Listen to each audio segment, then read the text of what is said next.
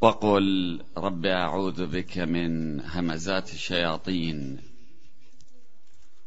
وأعوذ بك رب أن يحضرون. بسم الله الرحمن الرحيم. الحمد لله رب العالمين والصلاة والسلام على خير خلقه أجمعين. محمد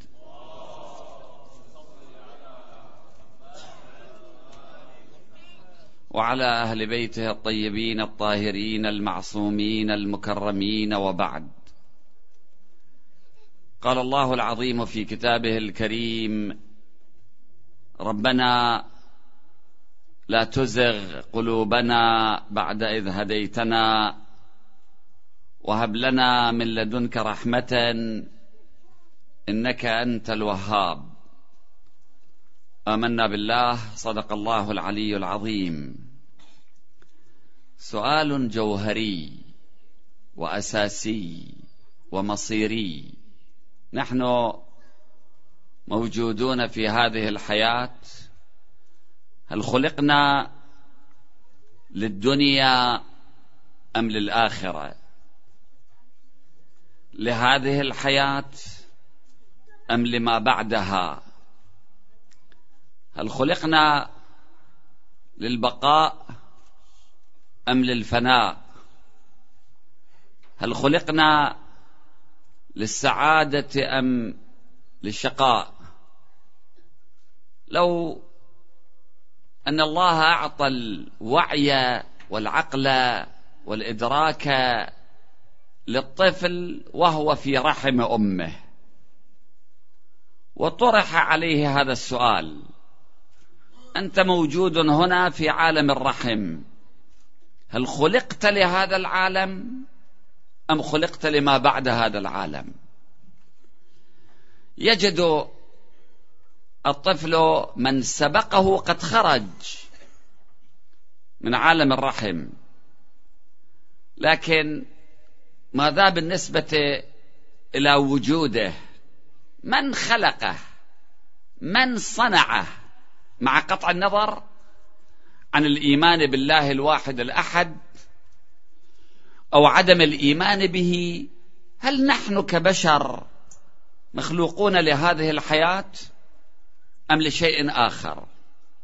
نولد اطفالا لا نفهم لا نعقل لا نعرف نكبر نصبح أقوياء ثم نصاب بالهرم بالشيخوخة بالضعف بالنسيان الزايمر لكي لا يعلم من بعد علم شيئا. ثم يعود الشاب القوي مفتول العضلات إلى حالة الطفولة مع جسم كبير. لا يفهم لا يعقل لا يدرك عاجز. هل لهذا خلقنا؟ الذي خلقنا مع كل ما أودع في أجسامنا وأرواحنا وأحاسيسنا ومشاعرنا وعقولنا من طاقات. كل هذا لهذه المسرحية. أن يأتي طفل صغير ثم يكبر ثم يصبح قويا ثم يضعف ثم ينتهي إلى الموت ويدفن. في التراب أو تحرق جثته كما يفعل البعض. بالطبع أكثر الناس لا يطرح على نفسه هذا السؤال. هل نحن مخلوقون لهذا العالم أم لعالم آخر؟ كلما تقرأه في المدارس كلما تقرأه في الصحف كلما تسمعه في الإذاعات وعلى شاشات التلفاز لا تجد هذا السؤال.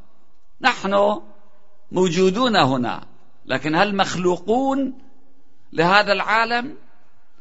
وإذا كنا قد خلقنا لهذا العالم لماذا نضطر إلى الرحيل والخروج منه؟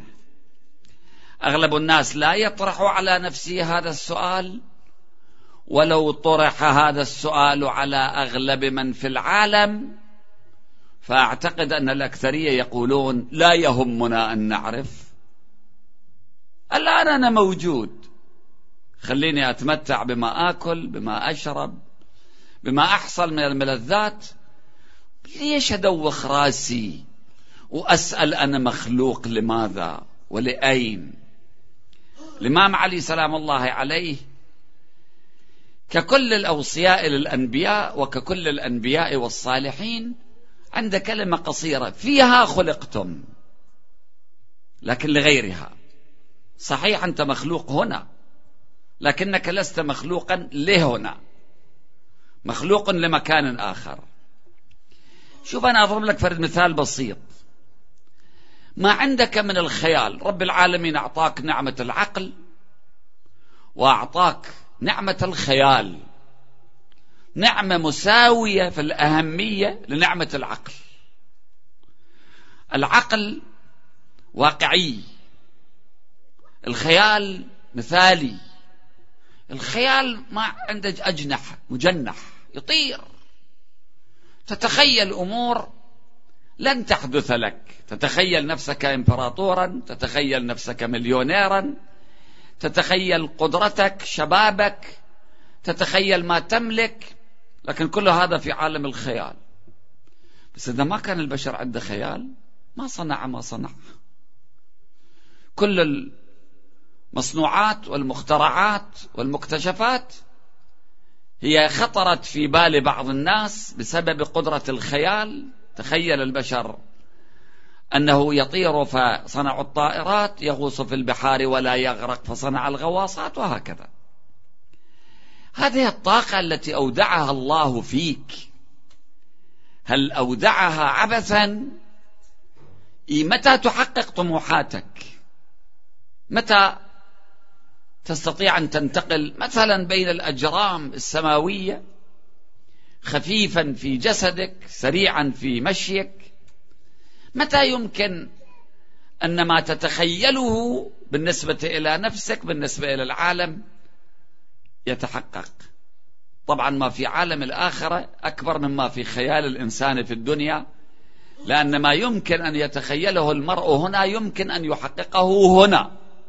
أما الآخرة فلا عين رأت ولا أذن سمعت ولا خطر على قلب بشر. المهم إذا سألنا هذا السؤال هل أنا موجود دنيوي أم موجود أخروي؟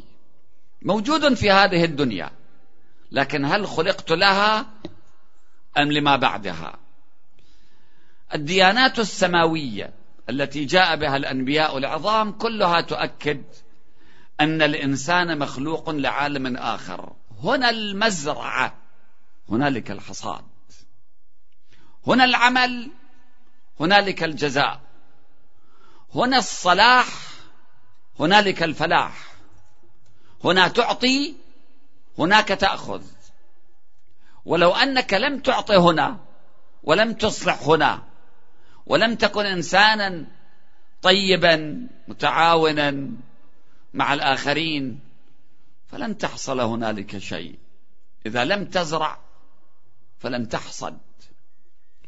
ولذلك فإن الحديث عن عالم الموت والبرزخ والقيامة والآخرة والجنة والنار هو حديث من يقول لك الآن افعل.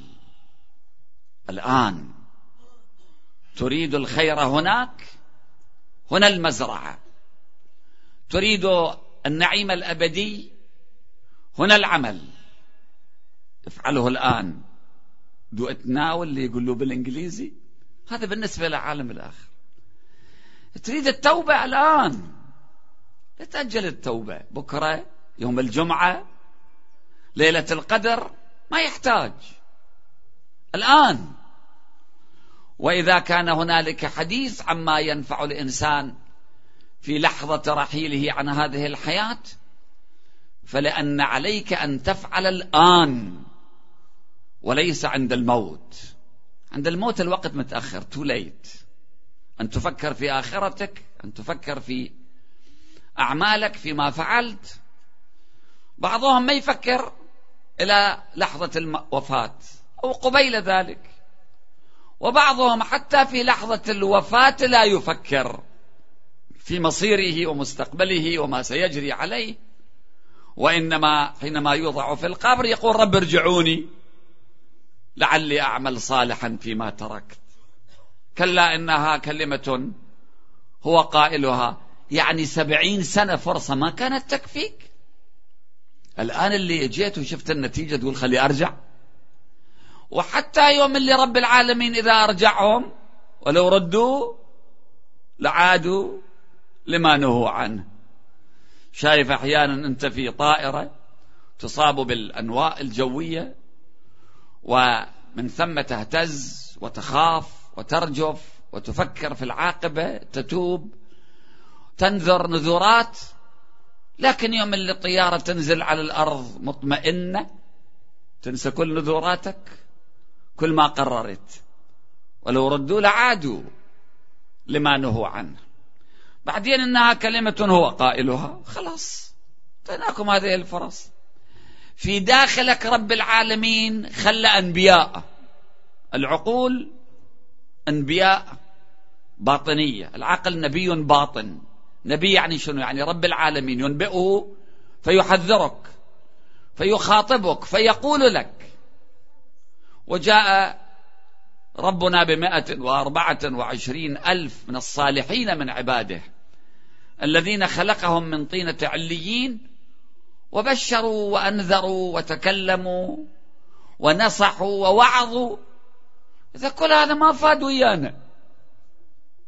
شو اللي ينفع؟ يوم اللي المجرم يكون أمام القاضي والقاضي يحكم عليه بالسجن أو يحكم عليه بالإعدام حينئذ ما عنده مانع يتوب لكن متأخر. كان لازم قبل هذا يقوم بما يجب عليه. الموت يأتي بغتة. ومن ثم لابد أن نفكر فيه قبل أن ينزل بساحتنا. إذا نزل بعد ما في مجال. بغتة. لو أنك كنت تعيش في دولة أصيبت بالإرهاب بعمليات التفجير العمياء ومثلا في هذه الأيام كنت تعيش في بغداد في مناطق الجنوب في العراق. الشخص اللي يطلع ما مطمئن أنه يرجع للبيت. سيارات مفخخة متفجرات قتل مو على هوية. يا ليت على هوية. قتل على الهواء لا على الهوية. على الهوية على الأقل يطالعك يشوفك أنت منه من جماعته مو من جماعته. لابد شفته على اليوتيوب شخص يذبح له واحد بعدين يطالع الهوية مالته. بعدين. يذبحها أول شيء بعدين نشوف هذا منه. حينئذ تحسب حساب أنك في أي لحظة يمكن أن ترحل. لكن الناس حتى لو ما في متفجرات ولا سيارات مفخخة في أي لحظة ممكن الإنسان يموت. ومن لم يمت بالسيف مات بغيره تعددت الأسباب والموت واحد. فلا بد أن تفكر قبل أن ينزل الموت لأنه إذا نزل ينزل بغتة. ربنا عز وجل يقول واتبعوا أحسن ما أنزل إليكم من ربكم من قبل أن يأتيكم العذاب بغتة. إذا اجى بعد خلاص ما في فرصة. وأنتم لا تشعرون أن تقول نفس في تلك اللحظات يا حسرة على ما فرطت في جنب الله. إيش كانت عندي فرص طيبة؟ شوف إذا أنت عندك فرصة إذا قيل في مجلس ما من أجاب على هذا السؤال فله مليار دولار. وطرحوا السؤال وأنت تعرف الجواب. بس تباطأت خجلت ما جبت الجواب. واحد ثاني بعد مدة أجاب وحصل على المليار. تتندم ولا لا؟ طبعا. يا ليت كنت قايل. ما في خسارة. نحن المؤمنين بالله وبالآخرة نقول أيها الناس الإيمان بالله والإيمان بالآخرة والعمل الصالح على أقل التقادير ما في خسارة. ما في جنة وما في نار وما في عذاب وما في عقاب إحنا مو خسران لكن إذا كان من الخاسر. أن تقول نفس يا حسرتا على ما فرطت في جنب الله. وإن كنت لمن الساخرين. كنت أستهزئ. من اللي راح ورجع. من اللي خلوه في قبره وطلع مفشخ حسب التعبير العراقي راسه مكسور. أو تقول لو أن الله هداني لكنت من المتقين. الله ما يريد. وإلا رب العالمين كان يهديني. أو تقول حين ترى العذاب لو أن لي كرة لو أرجع فأكون من المحسنين. إذن الموت يأتي بغتة. ولأنه يأتي بغتة فلا بد من التفكير فيه الآن. ونحن في فسحة من الزمن من الوقت في فرصة. لا تنتظر تغييرات جوية أرضية زلازل طوفان حتى تفكر في موتك. فكر في موتك بتعقل وفي حالة لا تشعر بأن الموت قريب منك. وكما ذكرنا أن من أولى مراحل الموت سكرات نزع نزع الروح. شوفوا نزع الروح حسب الروايات مختلف من فرد إلى فرد. بالنسبة إلى بعض الناس الموت حلو. اللهم اجعل الحياة لي زيادة في كل خير. والوفاة راحة لي من كل شر. كان الإمام موسى بن جعفر سلام الله عليه في السجدة الأخيرة من الصلاة يقرأ هذا الدعاء القصير اللهم اجعل آه، آه، اللهم اجعل الموت لي راحة من كل شر والحياة زيادة لي في كل خير. وما شابه ذلك. اللهم إني أسألك الراحة عند الموت. في ناس يرتاحون عند الموت طبعا. اللهم اجعل أسألك الراحة عند الموت والمغفرة بعد الموت والعفو عند الحساب.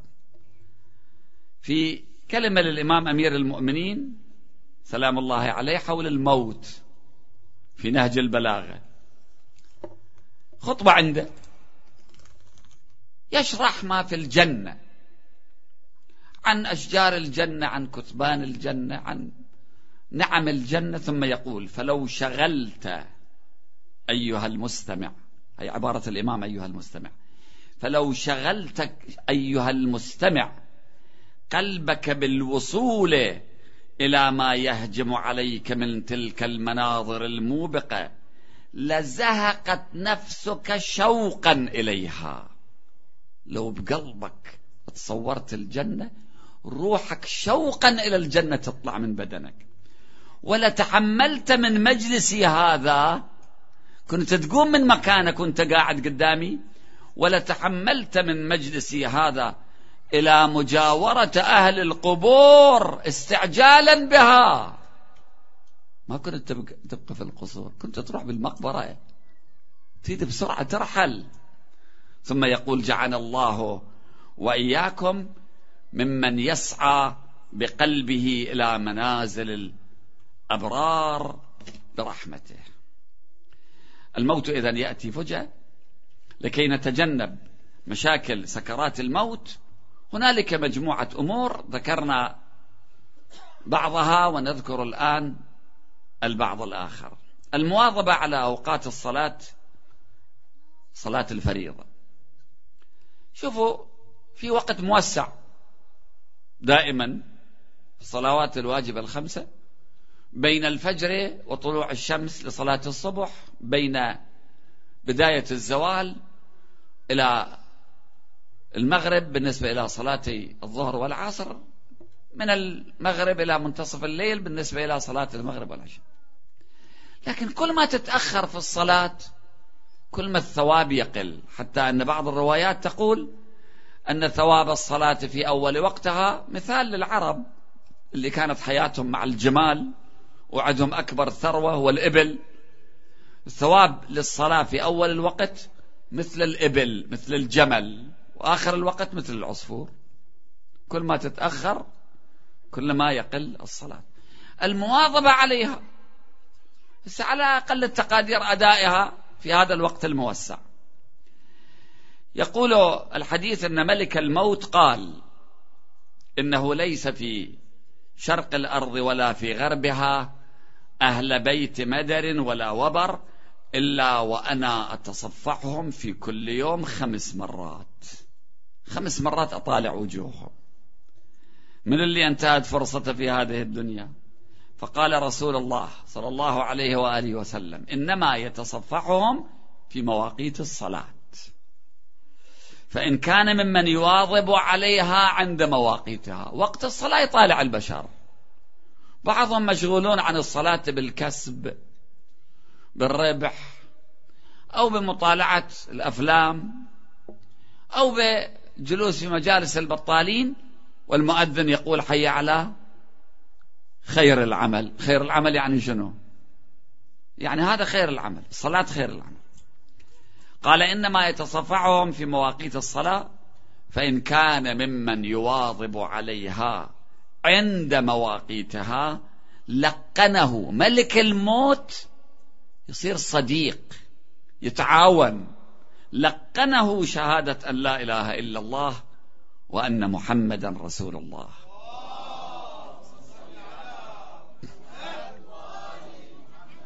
ونحى عنه ملك الموت إبليس. ملك الموت يتولى إبليس. حتى في آخر لحظة لأن إبليس إبليس كلاب مو بسرعة يبطل من الإنسان. من بداية بلوغه إلى آخر لحظة من حياته بلكي يقدر يغوي. آخر لحظات الحياة كما قلنا هنالك العديله عند الموت. ويمكن أن بعضهم يكفر في تلك اللحظات. ملك الموت يتولى إبليس في هذه اللحظات بشرط أن تواظب على الصلاة في مواقيته كان أحد الصالحين ممن أدركه الوالد الله يرحمه ويرحم الوالد ويرحم موتاكم. هذا كان عادة مستجاب الدعاء. وكان يأتي إليه الناس في مختلف الحاجات. ما كان يحتاج إلى شيء. مثلا عشرة جايين فيطلب من واحد من عندهم شوف الآن فصل شنو؟ فصل التين. وبالذات أنا أضرب مثال التين لأنه رأيت أحدهم وقد أكل من ذلك التين. قال أنا كنت رايح ما يصير عندي أولاد. سنوات أنا متزوج ما يصير عندي أولاد. فذهبت إليه. قال لي روح اشتري كيلو تين. فاشتريت كيلو تين جبت. فقرأ دعاء ونظر إلى التين. قال كل واحد من ذول اللي قاعدين أعطيهم فرد تينة واحدة.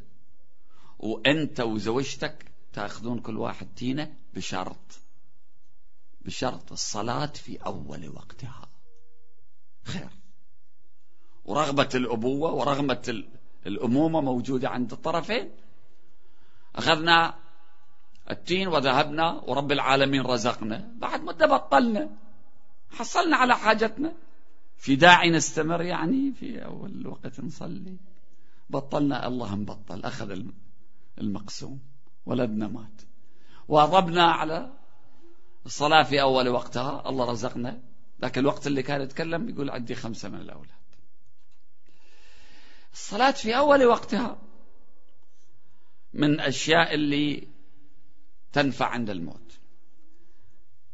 الأمر الثاني أن تبذل مالك المن لنفسك. يوم اللي تعطي للمؤمنين أنت أعطيت لنفسك. ذكرت لكم هذه الكلمة في رواية كلش جميلة. أنت تدفن في وين؟ في التراب؟ لا. أنت تدفن في عملك. شوف عملك شنو أنت تدفن فيه؟ أن تبذل مالك لنفسك يعني للمؤمنين. ولا تبذله في معصية الله. الإمام الصادق يقول الرواية تقول أن الإمام كتب إلى بعض الناس إن أردت أن يختم لك بخير حتى تقبض وأنت في أفضل الأعمال فعظم لله حقه أن تبذل نعمه في معاصيه. عظم الله. ليكون المال اللي يعطاك لرفاهيتك ورفاهية عائلتك. وللعطاء للناس أنت تصرف في معصية الله وأن تغتر بحلمه عنك. إحنا أحيانا لأن رب العالمين ما يعاقبنا نصير مغرورين. وأكرم كل من وجدته يذكرنا أو ينتحل مودتنا. شوف المؤمنين اللي يذكرون بخير أو يدعون مودتنا ساعدهم. ثم ليس عليك. هاي الجملة مهمة. يقول أي واحد اللي ينتحل مودتنا ويظهر أنه معنا أنت ساعده. ثم ليس عليك. صادقا كان أو كاذبا. إنما لك نيتك وعليه كذبه. في بعض الناس يقولون إحنا إذا جانا فقير ما مطمئنين أن هذا صادق. من الطي الطي عمي. إذا هو ما يستحق أنت تستحق أن تبذل مالك لنفسك. لك نيتك وعليه كذبه. بعد من الأشياء اللي تنفع لسكرات الموت الآية المباركة وهي صريحة في هذا المجال. ربنا لا تزغ قلوبنا بعد إذ هديتنا. وهب لنا من لدنك رحمة إنك أنت الوهاب. كثرة أو المداومة على قراءة هذه الآية خاصية ذلك أن يسهل على الإنسان الموت ويكون صالحا عند الرحيل عن هذه الحياة لأن في بعض الروايات الإنسان كما يموت يبعث. فاللي يموت وهو سكران يوم القيامة جاي هو سكران. ما يدري هاي نار وجهنم. والجنة وكذا بعد سكران دايخ بعد ما يحتاج أدلة وبراهين وشهود عليه. هو جاي بهالطريقة أو إذا جاي وعند وذبح إنسان ثم مات فجاي سكينة الذبح بيده ويده ملوثة بدماء الأبرياء. وأيضا المداومة على تسبيح فاطمة الزهراء. تسبيح فاطمة الزهراء هدية ربانية من النبي لعزيزة رسول الله فاطمة سلام الله عليها. هي مئة كلمة مئة ذكر أربعة وثلاثين الله أكبر ثلاثة وثلاثين الحمد لله ثلاثة وثلاثين سبحان الله المجموع مئة. لكن هذه المية لها ثواب كبير. يقول الإمام الباقر سلام الله عليه ما عبد الله بشيء من التحميد أفضل من تسبيح فاطمة ولو كان شيء أفضل منه لنحله رسول الله صلى الله عليه وآله وسلم لفاطمة. إذا كان شيء أهم من هذه التسبيحات النبي كان يعطي هدية لفاطمة.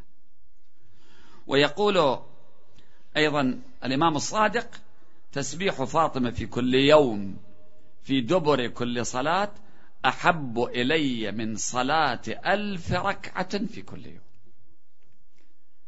هي مئة تسبيحة لكن فيها بونس. الثواب اللي رب العالمين يعطيك بهذه التسبيحات أكثر من ألف ركعة صلاة مستحبة. ويقول أيضا الإمام الصادق من بات على تسبيح فاطمة كان من الذاكرين الله كثيرا والذاكرات. القرآن يطالبنا بكثرة ذكر ذكر الله واذكر الله كثيرا حتى أن بعضهم يقول يعني نذكر الله ونحن في عند قضاء الحاجة وفي الحمام وفي أماكن في نظرك أنه لا بد أن تجل الله من أن تذكره. الروايات تقول لا حتى هناك اذكر الله. وعندنا في بعض الروايات تصريح أنه اقرأ سورة الحمد لأن مطلوب من عندك أن تذكر الله كثيرا. فمن داوم على تسبيحات فاطمة الزهراء هذه تنفعه عند الموت بالإضافة إلى الثواب طبعا وعند سكرات الموت.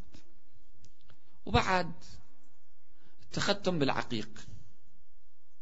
شوفوا إخواني رب العالمين خلق التراب وخلق الألماس وخلق العقيق والفيروزج وبقية هذه الأحجار الكريمة. مو بطال. ظاهر الأمر أن هذه أحجار كريمة جميلة ويتاجر الناس بهذه الأحجار. لها خواص مادية أحيانا وخواص معنوية. أن رواية اللي عنده خاتم من الألماس لا يفتقر. طبعا ما دام عنده ألماس مو فقير. يبقى دائما غني. بس يبدو في التأثير إله العقيق الفيروزج كل هذه الأحجار الكريمة. آه، العقيق في خاصية معنوية. روي لما كلم الله موسى بن عمران على جبل على جبل طور سيناء اطلع على الأرض اطلاع فخلق من وجهه العقيق. من وجه الأرض من التراب خلق العقيق. وقال أقسمت على نفسي أن لا أعذب كف لابسك إذا تولى عليا بالنار.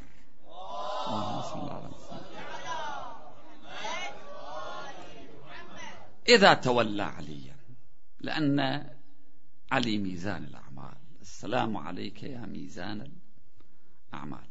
وقال رسول الله صلى الله عليه وآله وسلم تختموا بالعقيق فإنه مبارك. ومن تختم بالعقيق يوشك أن يقضى له بالحسنى. يعني العاقبة تكون عاقبة حسنة. هنا أذكر حديث يذكره ابن عباس من يسميه المسلمون بحبر الأمة. يعني ما في مجال بعد واحد يكذب. الكل قابل به. حديث ظريف جميل. يقول إن رسول الله أعطى عليا خاتم. قال يا علي أعطى هذا الخاتم لينقش عليه النقاش محمد بن عبد الله. اللهم صل خلي النقاش يكتب عليه اسمي واسم ابويا النبي كان يفتخر بأبيه. مع الأسف البعض طالعين يقولون والد رسول الله في جهنم والد الإمام علي في جهنم. بس النبي دائما محمد بن عبد الله. فأخذه أمير المؤمنين فأعطاه النقاش فقال له أنقش عليه اسم النبي وابن عبد الله. فنقش النقاش وأخطأت يده فنقش عليها محمد رسول الله.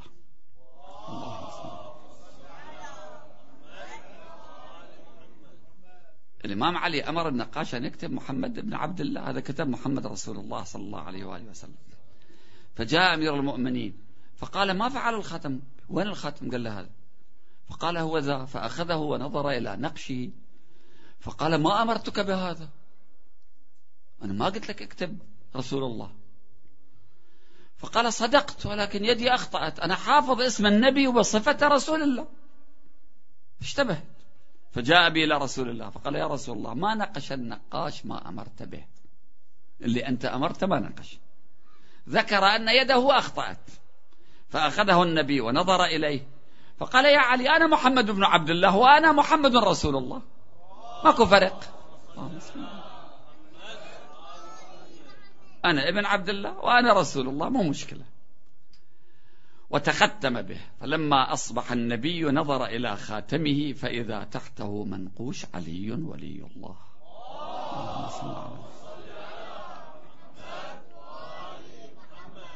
فتعجب من ذلك النبي ولما جاءه جبرائيل قال يا جبرائيل كان كذا وكذا. قلنا له يكتب ابن عبد الله كتب رسول الله. الآن هم شيء زيادة. فقال يا محمد كتبت ما أردت وكتبنا ما أردنا.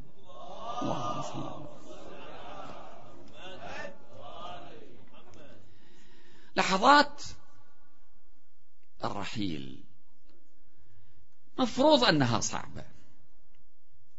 ليش؟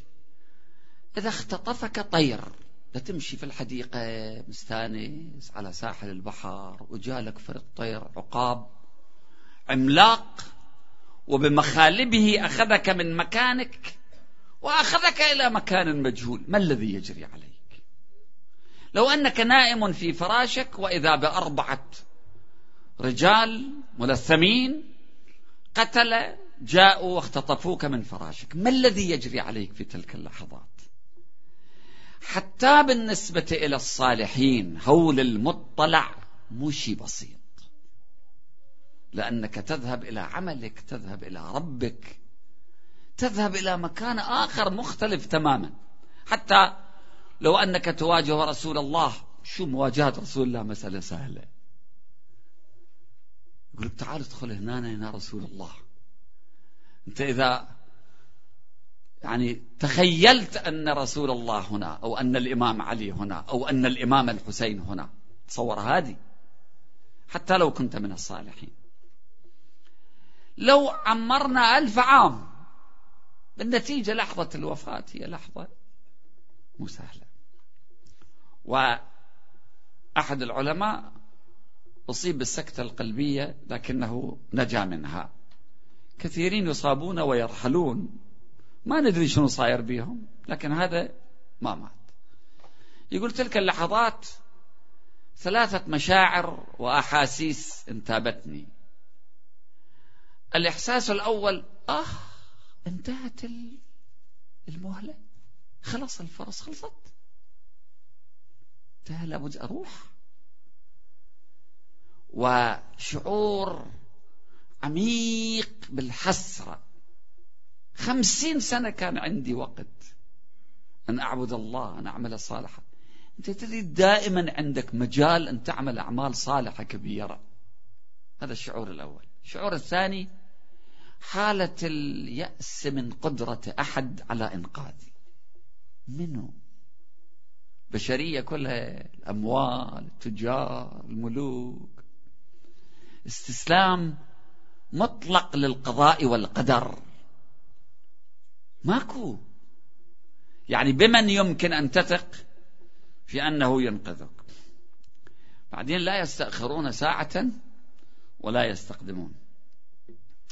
والأمر الثالث خوف ورهبة. لا توصف. ما في مجال أصف الخوف اللي انتابني. شعور بالخوف شعور بالحسرة وشعورا بالاستسلام المطلق لقضاء الله وقدره. هذه الحالة التي سنمر بها جميعا تحتاج إلى وقفة مع الذات تحتاج إلى التعود على بعض الأعمال الصالحة تحتاج إلى التوبة الدائمة تحتاج إلى العمل الآن وليس فيما بعد. ذكرت لكم مرة أحد المحكومين بالإعدام وضعوا حبل المشنقة في عنقه ثم سحبوا الكرسي تحت رجليه ثم في ظاهر الأمر مات ثم تبين أنه كان لا يزال فيه بعض النبض. طبعا فيما بعد اكتشفوا حتى الطبيب أصدر شهادة الوفاة بس تبين ما ميت. طبعا بقي في حالة الإغماء عولج فترة من الزمن وحسب القوانين لا يعدم مرة ثانية في نفس الوقت وإنما يترك حتى من جديد يحكم عليه بالإعدام وتجري عليه مراسيم الإعدام. عاملين مقابلة وياه. أنا محتفظ بهذه المقابلة طبعا ليس هنا بس محتفظ بالمقابلة معه. فسأل هو بالسجن طبعا يوم اللي عملوا المقابلة معه. قال أنا قالوا قال له عندك أمنية شيء قال إيه نعم أمنية واحدة. بسرعة يخلصوني إذا يردون يعدموني مرة ثانية. لأن التفكير في تلك اللحظات التي مرت علي تؤلمني جدا. يقول هي لحظات كانت شعرت بالاختناق وكنت أحرك يدي ورجلي بدون إرادة مني وظلمت الدنيا في عيني ومرت تلك اللحظات وكأنها ألف عام ألف عام من العذاب. أنت تشوف لحظات بالنسبة بس بالنسبة له مو لحظات. قال إذا يردون يعدموني خلي بسرعة يخلص. لأن هذا التفكير يألمني كثير. ما دامت هذه مرحلة لا بد أن نمر بها لنلتزم ببعض الأمور. شوف رب العالمين ما يعطي جنة بناء على الاستحقاق. لا أحد يستحق الجنة بعمله حتى النبي. كما قال هو. قال لا أحد يدخل الجنة بعمله. قالوا حتى أنت يا رسول الله. قال حتى أنا. بس رب العالمين يفتش عن فت سبب من الأسباب دخلك الجنة. لأن يريد الخير لك الله يحب عباده. وإلا ما خلقهم وما خلق هذا الكون كله. شمس القمر النجوم الأرض البحار الجبال كلها خالقها لك. خالقها لك ولغيرك بالنتيجة لك. إذا ما كان يحبك ما يريد الخير لك. خلقتم للبقاء لا للفناء. واعلموا أنه ليست ليس لأبدانكم ثمن إلا الجنة. الله يريد الجنة لك.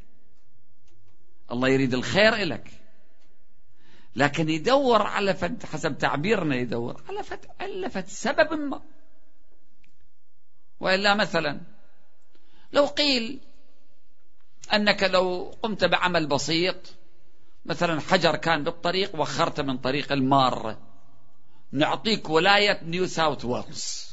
كل شوارعها وبيوتها وملكيتها وحكومتها نعطيها لك أنت تدري هذا العمل مو ثمن هذا المثمن هذا أكبر من هذا العمل البسيط اللي أنت سويته. رب العالمين يريد يعطيك الجنة. بس خلي أنت مسوي فرد عمل اللي الله عز وجل يقول نعم. لأن الله يريد حجته تكون بالغة يوم القيامة. بدون علة بدون سبب. ذكرنا أنه لا أحد يدخل الجنة بغير عمل ولا أحد يدخل الجنة بعمله. هي المعادلة الجدلية. شنو تفسيرها؟ جنة أكبر من أعمالنا. لكن لا بد من وجود العمل. والالتزام ببعض الأعمال على أقل التقادير. في بعض الناس ما عنده التزامات. بعض الناس لا عنده. التزام ما عنده. على الأقل شهر رمضان يقوم بأعمال الخير بالأعمال الصالحة بالطاعة بالصيام بالصلاة. يترك المحرمات. يعطي للفقراء والمساكين باعتبار الأعمال تتضاعف في هذه الليالي وهذه الأيام. ب